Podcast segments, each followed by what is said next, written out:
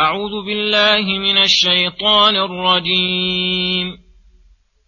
وسيق الذين كفروا إلى جهنم زمرا حتى إذا جاءوها فتحت أبوابها وقال لهم خزنتها ألم يأتكم رسل منكم ۖ؟ وقال لهم خزنتها ألم يأتكم رسل منكم يتلون عليكم آيات ربكم وينذرونكم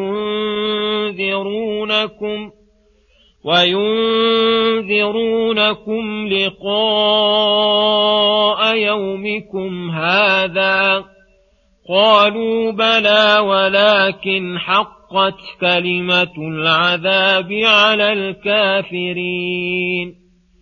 قيل ادخلوا أبواب جهنم خالدين فيها فبئس مثوى المتكبرين. وسيق الذين اتقوا ربهم إلى الجنة زمرًا. حتى إذا جاءوها وفتحت أبوابها وقال لهم خزنتها وقال لهم خزنتها سلام عليكم طبتم فادخلوها خالدين. وقالوا الحمد لله الذي صدقنا وعده وأورثنا الأرض نتبوأ من الجنة حيث نشاء فنعم أجر العاملين. وترى الملائكة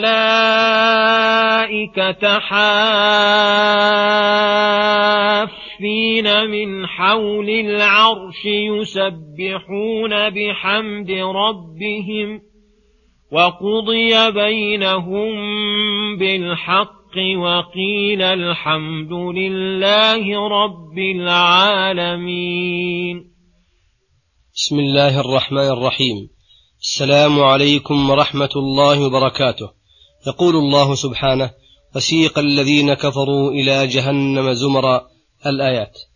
لما ذكر تعالى حكمه بين عباده الذين جمعهم في خلقه ورزقه وتدبيره واجتماعهم في الدنيا واجتماعهم في موقف القيامة فرقهم تعالى عند جزائهم كما افترقوا في الدنيا بالإيمان والكفر والتقوى والفجور فقال وسيق الذين كفروا إلى جهنم أي سوقا عنيفا يضربون بالسياط الموجعة. من الزبانية الغلاظ الشداد إلى شر محبس وأفظع موضع وهي جهنم التي قد جمعت كل عذاب وحضرها كل شقاء وزال عنها كل سرور كما قال تعالى يوم يدعون إلى نار جهنم دعا أي يدفعون إليها دفعا وذلك لامتناعهم من دخولها ويساقون إليها زمرا أي فرقا متفرقة كل زمرة مع الزمرة التي تناسب عملها. وتشاكل سعيها يلعن بعضهم بعضا ويبرأ بعضهم من بعض حتى إذا جاءوها أي وصلوا إلى ساحتها فتحت لهم أي لأجلها أبوابها أي لأجلهم أبوابها لقدومهم وقرا لنزولهم. وقال لهم خزنتها مهنئين لهم بالشقاء الأبدي والعذاب السرمدي وموبخين لهم على الأعمال التي أوصلتهم إلى هذا المحل الفظيع.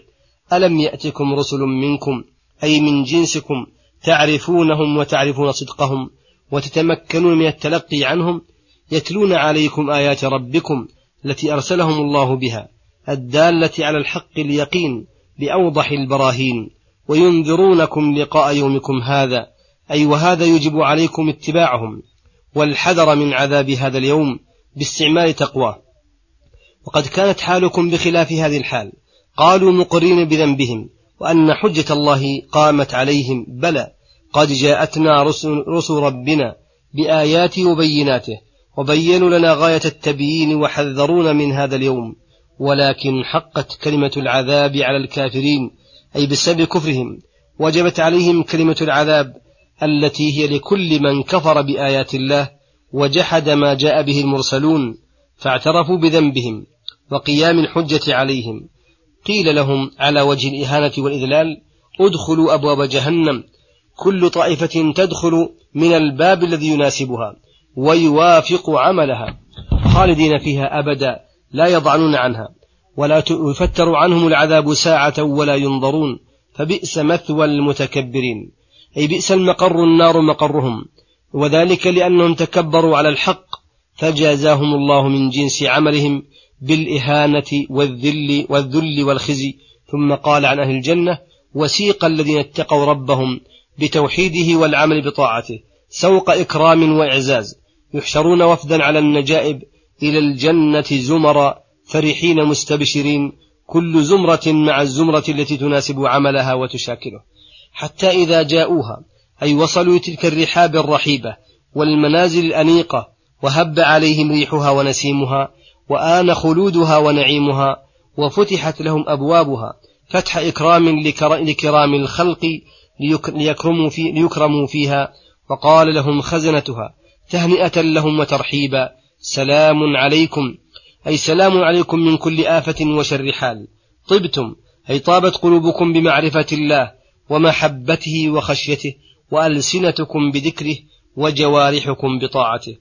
فبسبب طيبكم ادخلوها خالدين لأنها الدار الطيبة ولا يليق بها إلا الطيبون. وقال في النار فتحت أبوابها وفي الجنة وفتحت بالواو إشارة إلى أن أهل النار بمجرد وصولهم إليها فتحت لهم أبوابها من غير إنظار ولا إمهال. وليكون فتحها في وجوههم وعلى وصولهم لحرها وأشد لعذابها. وأما الجنة فإنها الدار العالية الغالية التي لا يوصل إليها ولا ينالها كل أحد إلا من أتى بالوسائل الموصلة إليها. ومع ذلك يحتاجون لدخولها إلى الشفاعة عند أكرم الشفعاء عليه فلم تفتح لهم بمجرد ما وصلوا إليها بل يستشفعون يستشفعون إلى الله بمحمد صلى الله عليه وسلم حتى يشفع فيشفعه الله تعالى. وفي الآيات دليل على أن النار والجنة لهما أبواب تفتح وتغلق وأن لكل منهما خزنة وهما الداران الخالصتان اللتان لا يدخل فيهما إلا من استحقهما بخلاف سائر الأمكنة والدور. وقالوا عند دخولهم فيها واستقرارهم حامدين ربهم على ما أولاهم ومن عليهم وهداهم الحمد لله الذي صدقنا وعده أي وعدنا الجنة على ألسنة رسله إن آمنا وصلحنا فوفى لنا بما وعدنا وأنجز لنا ما منانا وأورثنا الأرض أي أرض الجنة نتبوأ من الجنة حيث نشاء أي ننزل منها أي مكان شئنا ونتناول منها أي نعيم أردنا. ليس ممنوعا عنا شيء نريده فنعم أجر العاملين. الذين اجتهدوا بطاعة ربهم في زمن قليل منقطع فنالوا بذلك خيرا عظيما باقيا مستمرا. وهذه الدار التي تستحق المدح على الحقيقة التي يكرم الله فيها خواص خلقه ورضيها الجواد الكريم لهم نزلا وبنى أعلاها وأحسنها وغرسها بيده وحشاها من رحمته وكرامته ما ببعضه يفرح الحزين ويزول الكدر ويتم الصفاء وترى الملائكة أي الرأي ذلك اليوم العظيم حافين من حول العرش أي قد قاموا في خدمة ربهم واجتمعوا حول عرشه خاضعين لجلاله معترفين بكماله. مستغرقين بجماله يسبحون بحمد ربهم أي ينزهونه عن كل ما لا يليق بجلاله مما نسب إليه مما نسب إليه المشركون وما لم ينسبوا. وقضي بينهم أي بين الأولين والآخرين من الخلق بالحق الذي لا اشتباه فيه ولا إنكار ممن عليه الحق. وقيل الحمد لله رب العالمين لم يذكر القائل من هو ليدل ذلك على أن جميع الخلق نطقوا بحمد ربهم وحكمته على ما قضى به على أهل الجنة وأهل النار حمد فضل وإحسان وحمد عدل وحكمة. وصلى الله وسلم على نبينا محمد وعلى آله وصحبه أجمعين. وإلى الحلقة القادمة غدا إن شاء الله. السلام عليكم ورحمة الله وبركاته.